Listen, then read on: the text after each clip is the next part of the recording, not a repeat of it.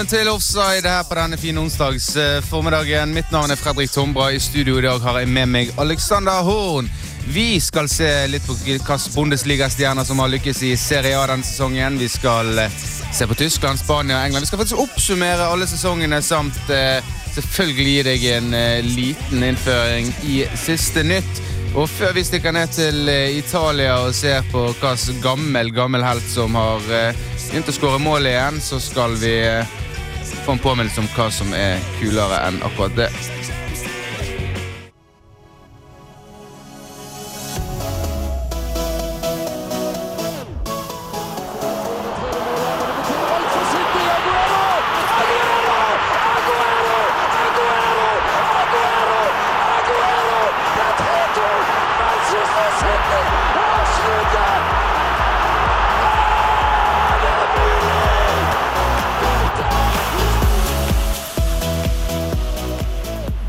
Offside.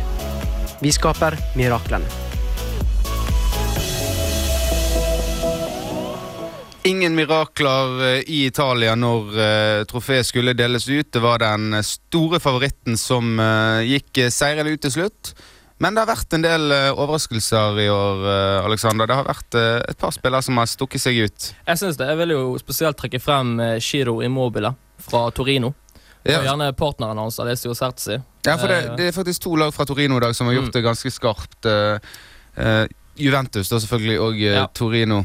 Ja, uh, Veldig dynamisk duo de har der. Og Vi må jo også trekke frem mannen som har liksom stått litt opp for de døde. da Luca Toni. Skårer over 20 Serie A-mål for uh, Verona. Veldig imponerende. Det var en av de uh, Bundesliga-profilene som jeg snakket om tidligere. Det er jo Ja. flere av de i, eh, i Italia. En serievinner i Barzagli, og så har du Luca Toni. Jeg tror vi skal eh, høre litt på hva som har skjedd i Italia i år. Jeg, her er Jørgen Ågedal Sundt om det.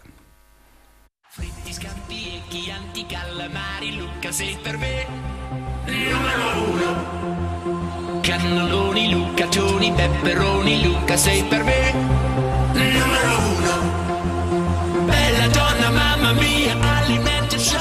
Serie A startet 24. august da nyopprykkede Hellas Verona tok imot tittelutfordrer Milan. Kampen, som Verona vant 2-1 etter en forrykende forestilling av Luca Toni, skulle vise seg å bli bildet på sesongen til de to klubbene. Stand by for action. Get the ball to the back post. Luca Toni down Banana! And it's Luca Toni with a second! What a return to the top flight for Luca Toni! And Hellas Verona are ahead! Ett lag imponerte imidlertid mer enn alle andre i starten av sesongen. Roma kom ut av startblokkene i 140 km i timen, og etter å ha skåret 24 mål og kun sluppet inn ett, var fasiten ti seire på ti kamper. Til tross for den enormt imponerende starten ledet ikke laget med mer enn fem poeng på Juventus og Napoli, som også startet serien godt. På de neste fem kampene spilte Roma uavgjort fire ganger og havnet bak Juventus, som aldri så seg tilbake og vant ligaen soleklart. Med 33 seire, tre uavgjort og to tap tok Juventus 102 poeng og dermed ny poengrekord i Italia.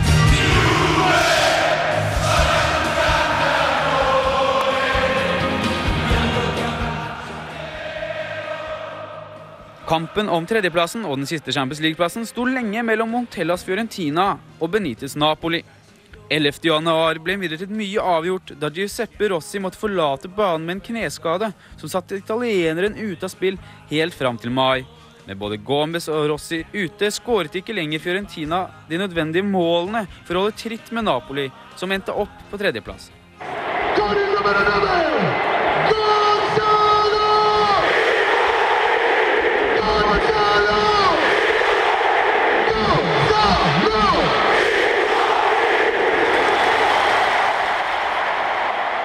I den andre enden av tabellen varte spenning lenge. Ved juleferien befant Catania, Livorno og Sassuolo seg på nedrykksplassene. Åtte runder før slutt så det svært stygt ut for Livorno og Sassuolo, som lå henholdsvis seks og fem poeng bak Bologna på sikker plass. Anført av en strålende Berardi klatret imidlertid Sassuolo seg forbi nedrykksplassen.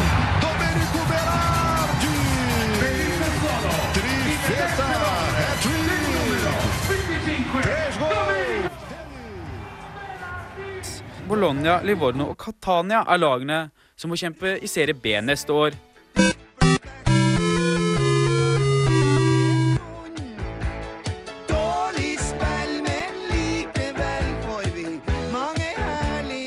Årets største skuffelse i serien er Milan.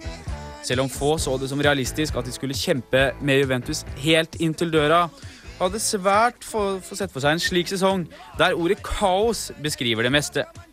Før jul ble det meldt at klubbens sportsdirektør Galliani hadde fått sparken av visedirektør Barbara Berlusconi. Sjefen sjøl og pappa Silvio Berlusconi satte imidlertid foten ned og fredet jobben til sin gode venn. Et par uker etter jul fikk Allegri sparken, og tidligere Milan-spiller Clarence Seedorf ble ansett som manager. Først rundt midten av mars klarte Milan å vinne flere kamper på rad. Et 2-1-tap bort mot Atalanta i nest siste serierunde gjorde imidlertid at Milan ikke får spille Europacup det neste året.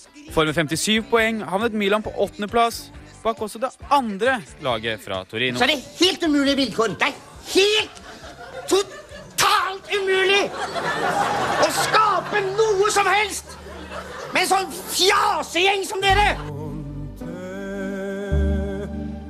Årets serieavslutning ble av det spesielle slaget. For da sluttsignalet gikk 22.30 18. mai, kom også sluttsignalet for karrieren til Inter og fotballegenden Javier Zanetti.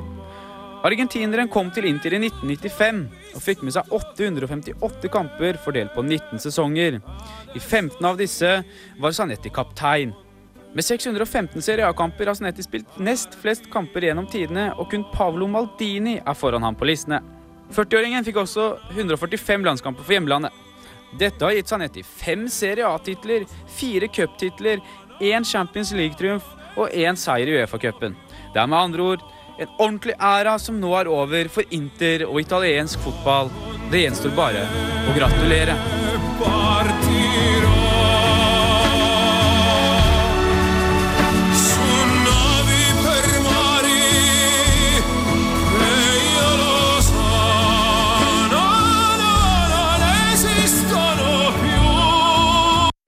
So then we took out our last weapon. We brought a central defender.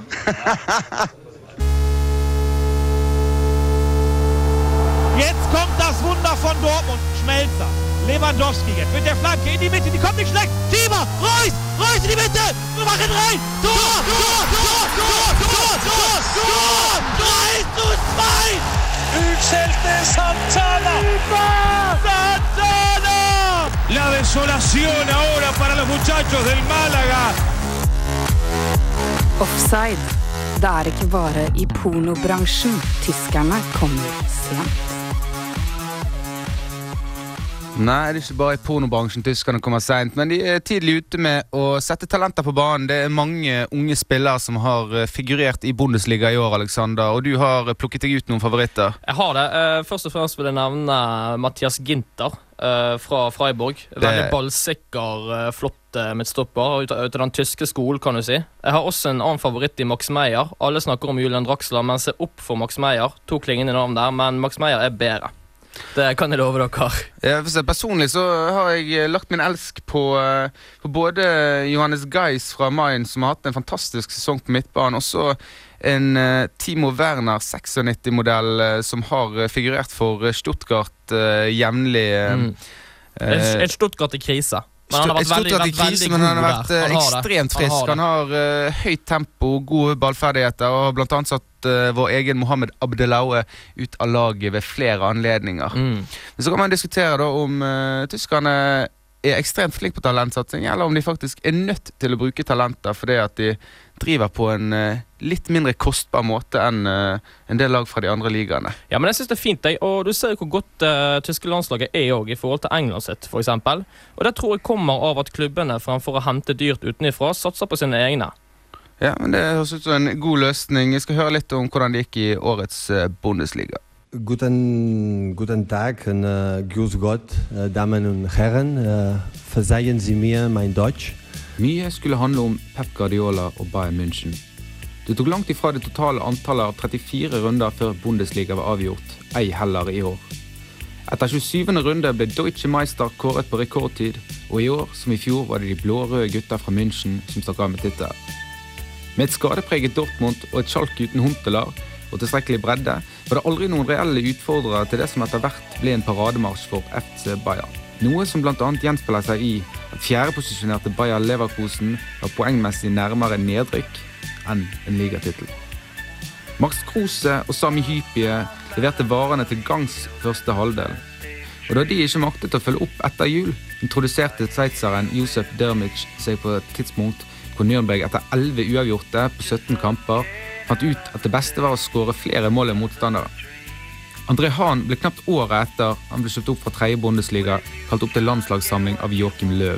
Og unggutter som Timo Werner, Max Meyer og Johannes Geis har vist at tyskerne har mye å glede seg over på fotballbanen i årene som kommer.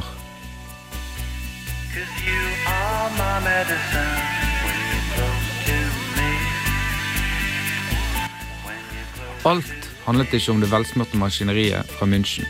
Heldigvis. Sesongens 306 kamper lar seg lett oppsummere i statistikk. Luis Gustavo debuterte for Wolfsburg med rødt kort i første serierunde. Og første kamp etter karantenen tok han like så godt imot enda et nytt rødt. Til sammen samlet han tre av de 58 røde som ble delt ut i Bundesliga.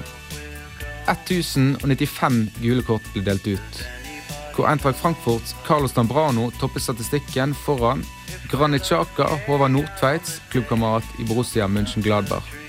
Ett av årets store utropstegn ble Tarek Elionosis Hoffenheim. Nordmannen slet med å finne seg fast plass på laget, men med spillere som Vollan og Firmino i front skulle det bare mangle. Laget havnet midt på tabellen, men endte opp som både det tredje mestskårende og det tredje mest innslippende laget i Bundesliga. På plussiden slått av FCB og BVB, og på minussiden kun slått av laget som holdt seg via kvalik, og laget som endte aller sist, Eintracht Braunschweig. Historien om de to nordmennene på Braunschweig, Håvard Nilsen og Omar El Abdelawi, er imidlertid en annen for de fleste andre nordmenn i Bundesliga. De nøt godt med tillit og fikk spilletid under sin trener Torstein Lieberknecht, som i motsetning til trenere som Mirko Slomka, Bruno Labbadia og Torsten Fink, fikk fornyet kontrakten sin under sportslig motbør. Til sammen fant åtte trenersparkinger sted. Den store sportslige skuffelsen sto dinosauren Hamburger Sportverein for. Kapteinstripping og trenersparking har vært på tapetet denne sesongen, men tross uroen burde man med spillere som stadig vanker i landslagskretser, prestere bedre. Verdt å nevne er Heiko Westermann, Juro, Jansen, van der Fart, Chalanoglu og Lasogga.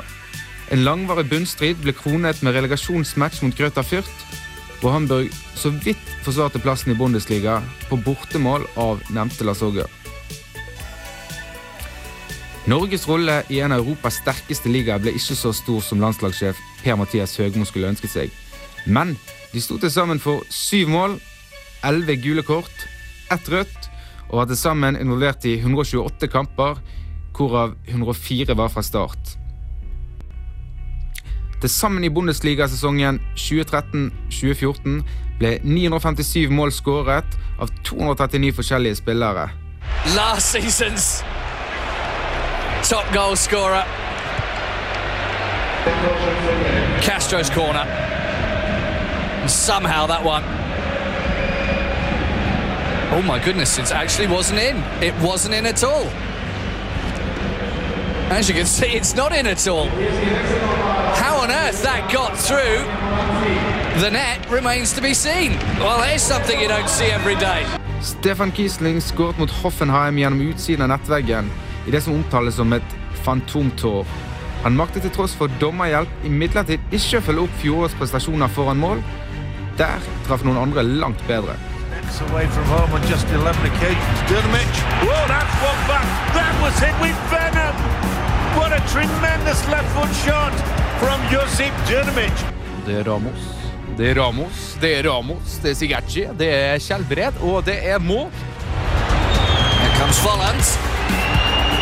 Into the box, gets the shot away. Oh, it's another peachy goal. Oh, it's a fruity afternoon for me. That was an excellent goal from Kevin Folland. Final pass lets them down. This is Lewandowski breaking through. He's got Wolfman in front of him. Can he get a shot on goal? Good run this by Lewandowski. And what a goal by Robert Lewandowski. Mens flere av disse har funnet seg ny klubb allerede, gjør første og andre Bundesliga klart for å ta imot nye lag. Neste år får øverste divisjon besøk av Bård Finnes Köln og noe overraskende Paderborn. Ned går Antrakt Braunschweig og Nürnberg. Så da er det bare til å si Auf Wiedersehen, Bundesliga. Vi ses i august.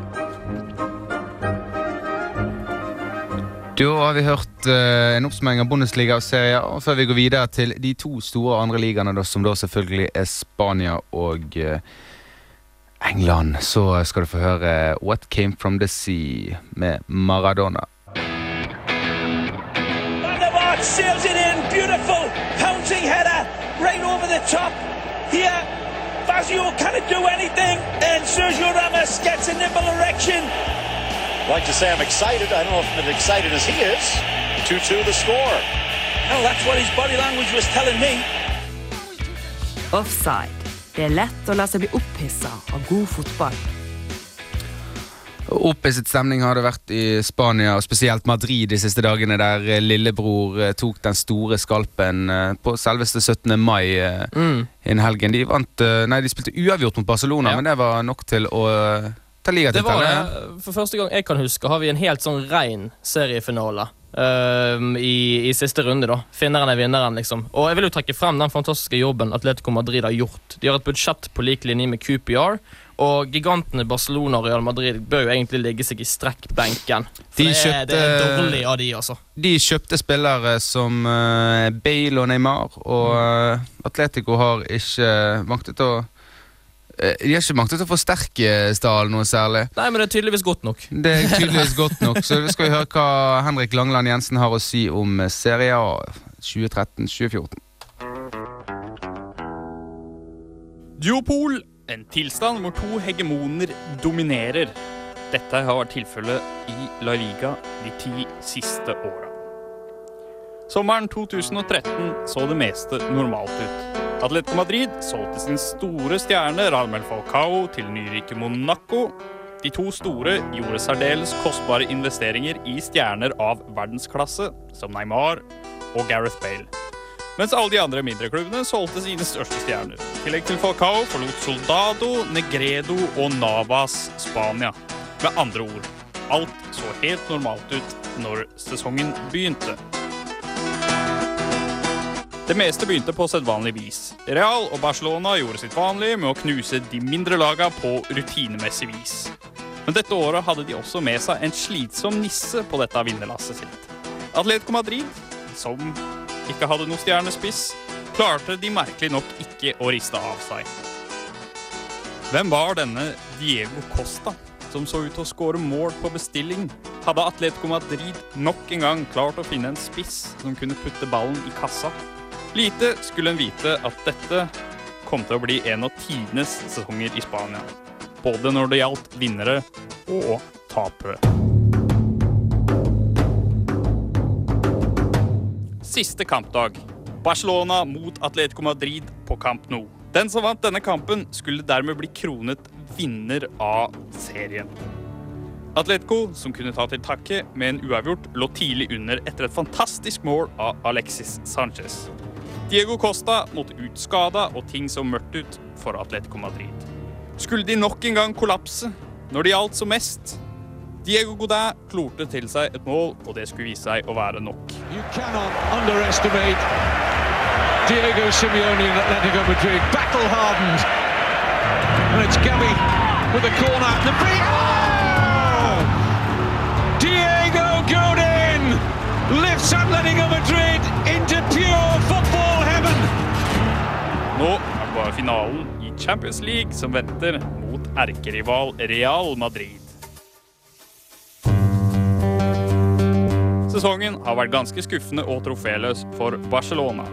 Pjol har nå valgt å legge skoene på hylla etter en sesong preget av store skader. Hva blir neste for den lille kjempen? En jobb med B-laget? Er det en framtidig Barcelona-manager vi ser takk for seg? Gerardo Martino har også kasta inn håndkleet etter en relativt skuffende sesong. Selv om man kan si at de fleste problemene Barcelona hadde denne sesongen, var utenfor hans kontroll. Tidligere Barcelona B, Roma og Celta Vigo-trener Luis Enrique tar over klubben. Real Madrid endte på en skuffende tredjeplass i ligaen, rekordkjøp til tross, men Ancelotti får ikke sparken, siden de allerede har vunnet én trofé i Copa del Rey, og de er også i Champions League-finalen. Det er mørke skyer over klubbene som rykket ned. Real Betis, kronisk plaget av økonomiske problemer, må finne seg i å være i Segunda neste år. Dette gjelder også Valladolid og Osasona. Alle de nyopprykkede lagene i Elche, Almeria og Villarreal holdt seg. Villarreal hoppet opp på en meget imponerende femteplass til slutt. Det ser også lysere ut for Valencia, etter at det nå er klart at de har fått en ny eier i den malaysiske businessmannen Peter Lim. Klubber i Premier League kan ikke sies å ha hatt stor suksess med malaysisk eierskap. Men det har i hvert fall ikke stått på pengene.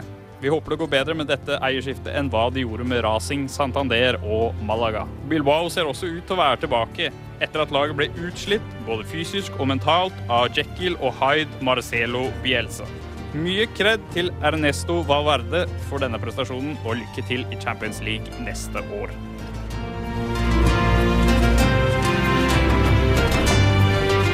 Mange spanske klubber har også notert seg i europeiske turneringer. Det kanskje mest oppsiktsvekkende er Sevilla, som vant Europaligaen. Sevilla, som ikke engang skulle vært i Europaligaen. De har å sende en stor takk til Uefa, Malaga og Financial Fair Play-reglementet.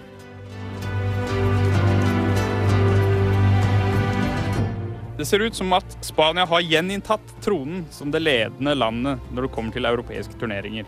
Selv med to hegemoner ser det ut til å gro relativt godt blant lagene med mindre status også.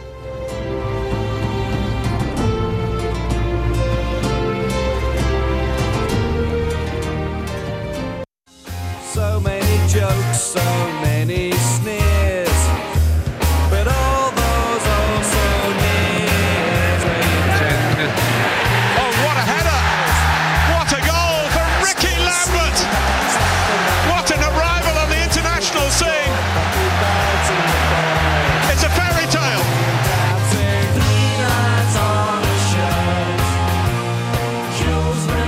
har vi hørt uh, Italia, vi har hørt Tyskland, vi har hørt Spania her på Offside på Studentradioen i Bergen. Eh, mitt navn er Fredrik Tombra, jeg er med Alexander Horn i studio. Og endelig skal vi til den ligaen som ligger uh, nordmenns hjerte aller, aller nærmest i det store, store utland. Det er selvfølgelig Premier League. Og der var det en ikke helt uventet seriemester i år. Nei, det skulle jo bare mangle med de eh, pengene og den kapitalen City har lagt ned, og den stallen de ikke minst har, så, så bør de vinne ligaen. Det de, bør de absolutt gjøre. Absolutt, men de, de slet litt. De var litt bakpå. Chelsea ledet en stund. Mm. Arsenal ledet veldig Mm. lenge. Men eh, de som fulgte de tettest, det var uh, Det var, skal ikke si gode, men i hvert fall gamle Liverpool. Liverpool. Veldig imponerende sesong. Det, det må være lov å si. De spilte glad fotball, og det blir spennende å se hva de gjør i sommer, om de klarer å bygge videre på den suksessen de har hatt i år. Jeg mistenker at eh, Andreas Oppedal har tatt det med seg i sitt innslag om Premier League, som du får nå. The Blue moon is rising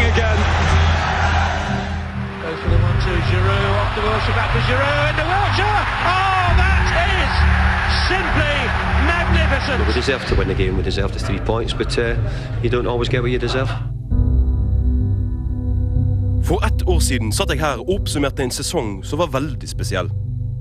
En æra var over, og spørsmålet var mange om hvordan engelsk fotball nå ville utvikle seg. Nå sitter jeg her med første del av fasiten. Og hvordan det har blitt, kan bare omtales som en berg-og-dal-bane for supportere i alle leire. Et jevnere topp- og bunnsjikte har vi ikke sett på mange år. Og etter uendelig spennende kamper, kontroverser, gledesbrøl og tårer, så vi nå igjen med en lyseblå mester.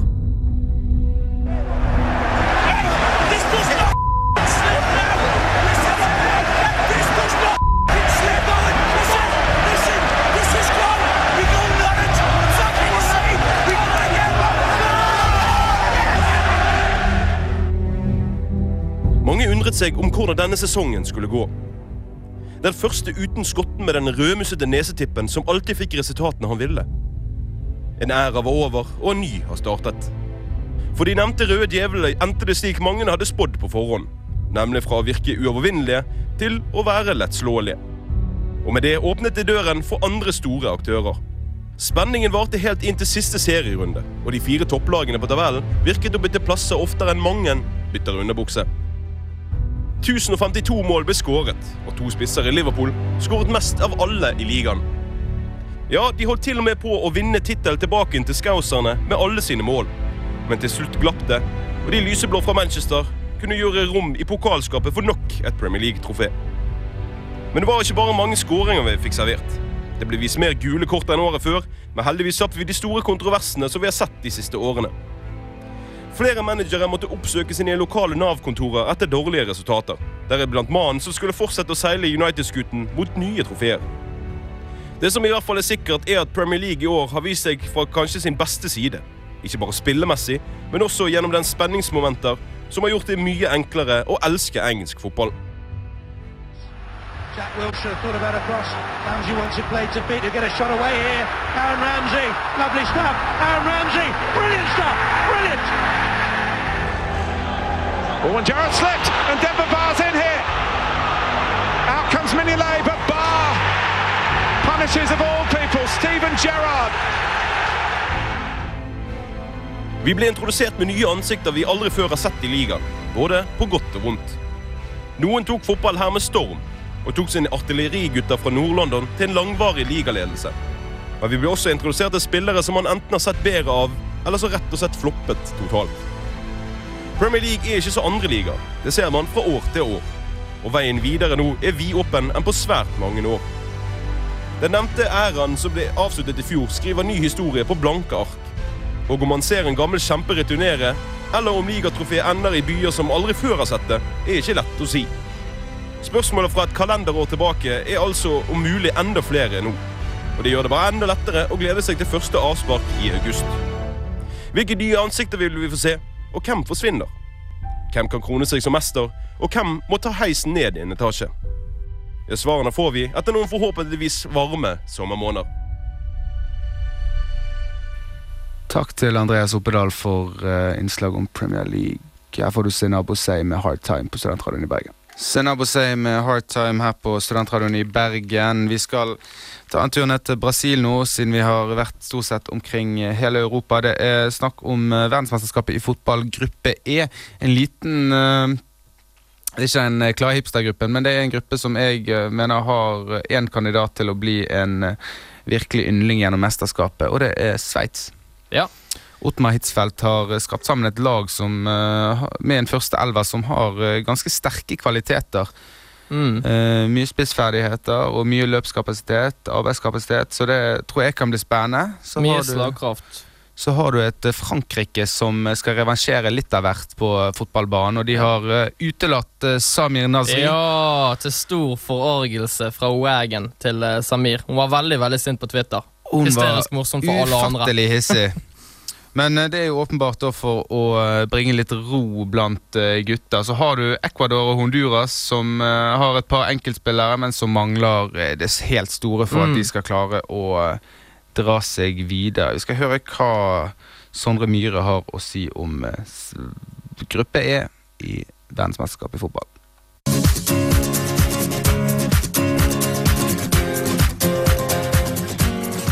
Det er tre små, deilige, solfylte uker til verdens beste turnering sparkes i gang i Brasil. Offside fortsetter sin presentasjon av VM-gruppene og er nå kommet til gruppe E. Gruppe E består av Ecuador, Frankrike, Honduras og Sveits. Ikke akkurat hva man vil omtale som dødens gruppe, men det skal likevel ikke mangle godbiter for den nøytrale seer.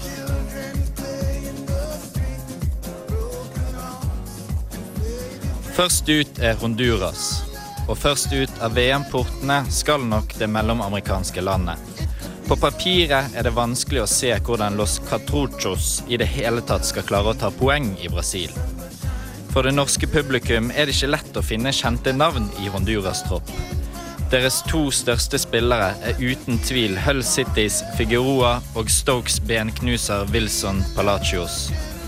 Hvor målene skal komme fra, og hvordan målene ikke skal renne inn, er vanskelig å finne gode argument for. Det skal derimot nevnes at det eneste poenget Honduras har tatt i VM-historien, kom i 2010 mot gruppemotstander Sveits. Vi sender Honduras på første fly hjem og håper at Palacios ikke har ødelagt altfor mange karrierer på veien.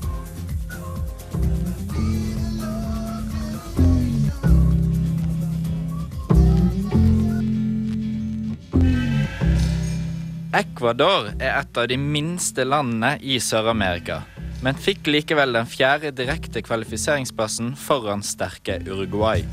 Dette er mye takket en massiv fordel i at hjemmebanen ligger i den nest høyeste hovedstaden i verden.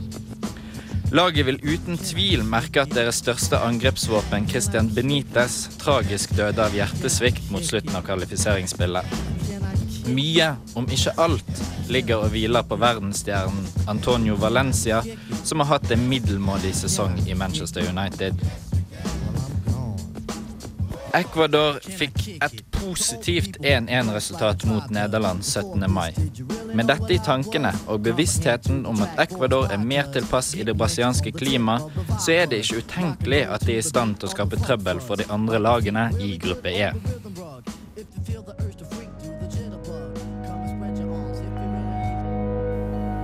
I Norges kvalifiseringsgruppe så Sveits ut som et verdensklasselag under ledelsen til Ottmar Hitzfeldt. Om banklandet virkelig har kvalitetene til å kunne komme langt i Brasil, er derimot usikkert. Ja, Sveits har mange spennende spillere, men en backrekke som kan bestå av Philippe Senderås og Johan Giroud, vil i hvert fall ikke jeg sette mange kronene på at holder tett når motstanderen blir tøffere enn Norge og Island. Vi er alle klar over Napoli-kanonene Berami, Inler og Desimaili, pluss de tysklandsbaserte stortalentene Shakiri og Shaka. Men vi i Offside vil advare VM-publikummet og Frankrike om Josip Drimic. En 21-åring som har bøttet inn utrolige 17 mål på 33 kamper for nedrykkslaget Nürnberg i Bundesliga. Sveits er absolutt spennende, og kan med litt hell også vinne gruppe E.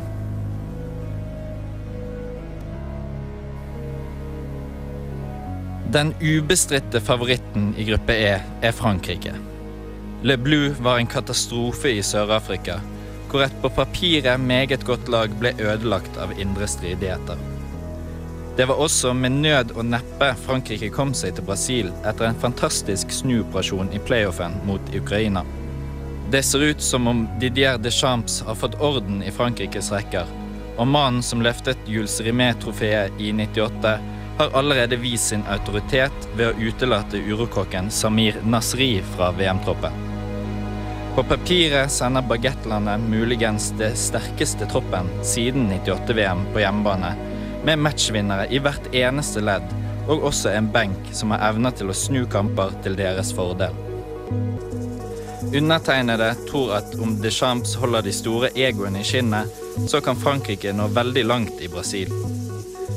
En solid triumf for et landslag som for fire år siden så ut til å gå fullstendig i oppløsning.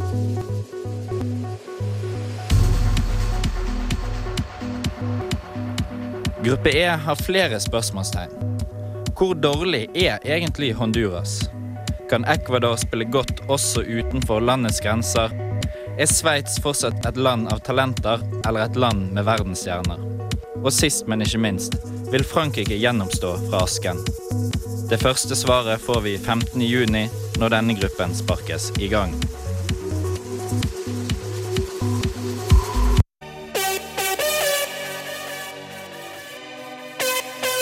Er klar for avspark. Magnus Skilstad til mål, altså. Ludvigsen og Moen i midten. Ylenden Brenneseter på hver sine back. Eh, På eh, midtbanen Kvisvik, Pedersen, Samuelsson, Helland og Gunn Og på topp Mika Kottila. Da er vi tilbake igjen der vi startet. Faktisk kanskje enda litt dårligere, for nå har Molde oppdaget at det går an å skåre mål her oppe. For et frispark av Raymond Kvisvik! Han må bare farge håret og få seg en dame, så ligner han på David Beckham. Altså, vi er 1,40 på overtid.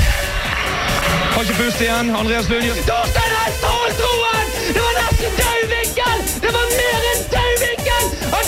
tribunen og skrudde ballen 180 grader rundt! Akkurat som en golfspiller! Offside. Supportere i tykt og tynt. Og eh, de spanske supporterne har flokket seg eh, rundt, og de skal nok eh, sette seg på bussen til Lisboa ganske snart. Det er to Madrid-lag i finale i år. Det er Atletico Madrid, det er Real Madrid. Lillebror tok eh, seriegullet, men hvem er det som kommer til å stikke av med Champions League-tittelen? Jeg har jo sagt ganske lenge at Real Madrid er laget i Europa med det høyeste toppnivået. De har den mest komplette stallen, og de er på sitt beste helt forrykende spillemessig. Og det er en sånn anledning som disse galaktikosene, disse stjernene til Real Madrid, elsker. Så jeg blir ikke veldig overrasket om det blir total eh, dominans fra Real Madrid i finalen. Men har ikke Atletico vist seg å være litt uh, lur og god tidligere? Altså, de slo jo Barcelona Mm. Uh, ganske kraftig ut i Champions League. I tillegg så spiller de med langt lavere skuldre enn Real Madrid, som endte på tredjeplass i, uh, i La Liga, som er et fantastisk dårlig resultat for de å være. Mm, mm. Altså nå må vi huske det at Atletico de, de har ikke prestert over evne. Dette, dette seriegullet deres er ikke noe blaff. Det viser de med at de er kommet der de er kommet i denne Champions League-finalen.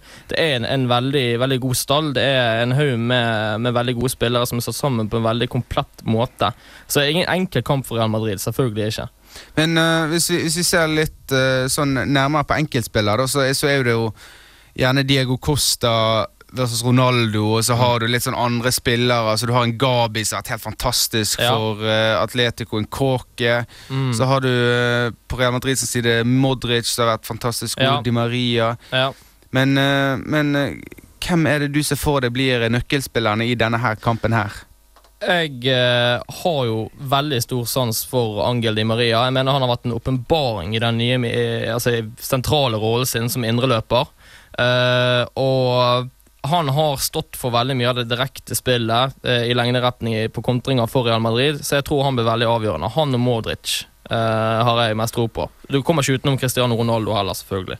Nei, så har vi, vi har spiller, et par nøkkelspillere som eh, ser ut til å være litt småskadet hos, eh, hos Atletico. Du har Ada Toran, du har eh, Diego Costa, og så har du kanskje en Christian Rodriguez som kunne kommet innpå på den venstrekanten og, mm. og, og gjort en innsats. Så de, de sliter jo litt med dette her med at de har breddeproblemer, da, i motsetning til Real Madrid, som har god dekning. Ja, det er helt sant. Men jeg tror Diego Costa han, han manner seg opp til den finalen. Det kan være the last hurrah for han foran Atletico-fansen, så jeg tror han kommer til å gjøre alt for å få spille i, i den finalen. Så er jo spørsmålet om han eh, er villig til å risikere VM for å spille en eh, finale i Champions League. Men det er en skade på en av eh, de faste innslagene i Real Madrids lag denne sesongen. Det er Nei, unnskyld. En suspensjon på Xabi Alonso Ja. foran denne finalen. Noe som gjør da at de enten må sette inn på Iara Mendy eller Kanskje til og med Sami Khedira for Ja. sin, uh, sin første kamp fra start på lang, lang tid. Ja, Det er et dilemma for Real Madrid. For som du sa, Sami Khedira har vært skadet siden før jul. Eh, nok åpenbart ikke i den beste kampformen. Og Ilaramendi hentet for et berg av av penger og har vel, hvis jeg kan være så ærlig å si det, ikke imponert noe særlig, egentlig. Tidlig så ser det ut som han mangler ganske mye tempo, Synes jeg. Ja, jeg synes også det. Han, Eh, eh, han sliter med farten, og Isco øh, har ikke slått helt til. Men spørsmålet Skal de legge om til en 4-2-3-1? Ja, øh, jeg tror fort øh, faktisk de ender opp med å gjøre det, med to sittende og en eh, offensiv fremskutt, som nok blir Di Maria. Ja. Nei, men det, blir- det blir uansett spennende å se hva som skjer her. For det er jo skader, og det, det er Ja, ja, suspensjoner. Og det er litt uh, mind games her òg akkurat nå. Altså, Det er ingen som har lyst til å si at Diego Costa ikke altså, At han er skadefri nå, og så røpe noe som helst. Uh, Vi skal først få Area FY før vi skal runde av her i offside for i dag. Area FY med Level Up. Du hører på Offside på Studentradioen i Bergen. I studio i dag er Fredrik eh, Tombra og Alexander Horn. Vi har hatt en sending fullt av innslag. Vi har oppsummert uh, både Premier League, Bundesliga, Serie A og La Liga, samt at vi har vært gjennom gruppe E i VM. Eh, Det som er interessant, er at det er fortsatt et par milepæler. Vi snakket i sted om Champions League. Et par ting å vinne og et en del penger å spille for. Derby og Queens Park Rangers møtes i en playoff nå til helgen, Alexander. Og for de som følger med på britisk fotball, de vet at uh, disse her eh, playoffene fra championship til Premier League, fra League One til eh, championship, det er noe av det mest spennende og det mest nervepirrende du kan følge med på i fotballverden. Absolutt. Og det som er interessant med denne kampen her, er jo at det er to vidt forskjellige klubber som møter hverandre. Det er en som står for eh, økonomisk trygghet, bygge fra grunn, og det er en klubb som har prøvd å raske sammen det som fins av Premier League rejects, og sitter de sammen til et lag, og det har eh, ikke funket så veldig bra. Som vi nevnte tidligere i sendingen, QPR har et budsjett som er ganske i nærheten av Atletico Madrid, som spiller Champions League-finale, og som vant serien i Spania. Men lagene spiller ganske forskjellig fotball, og det er, det er Harry Redknapp som står eh, bak roret. Mm. Han vil nok eh, prøve å safe inn en 1-0-ledelse, om vi kjenner han eh, det, helt, helt, helt rett. Eh, det var dette laget som hentet eh, spillere som Louis Cremy, Christoph Samba. Eh, de hentet de Benayoun og et par gamle travere for å da redde både plass og Ja eh, satsings, Satsingen bar vel egentlig preg på at eh, de skulle havne høyt på tabellen etter 2012-2013-sesongen. Ja, ja, og det gikk jo rett i dass. De snakket jo om å utfordre Champions, om Champions League-plass. Ja. Det er rett og slett en kaosklubb. For dere som er interessert i fotballdokumentarer, jeg anbefaler The Four Year Plan om QPR. Det fins ikke noe bedre. Det er gale italienere og indiske stålmagnater som skriker og roper til hverandre, sparker trenere i fleng, vil ha inn sine spillere. Det er helt kaos, rett og slett. Det henger ikke på greip, noe av det de driver med. Og en uh, Adel Tarabt som herjer Ja. i championship eh, back in the days.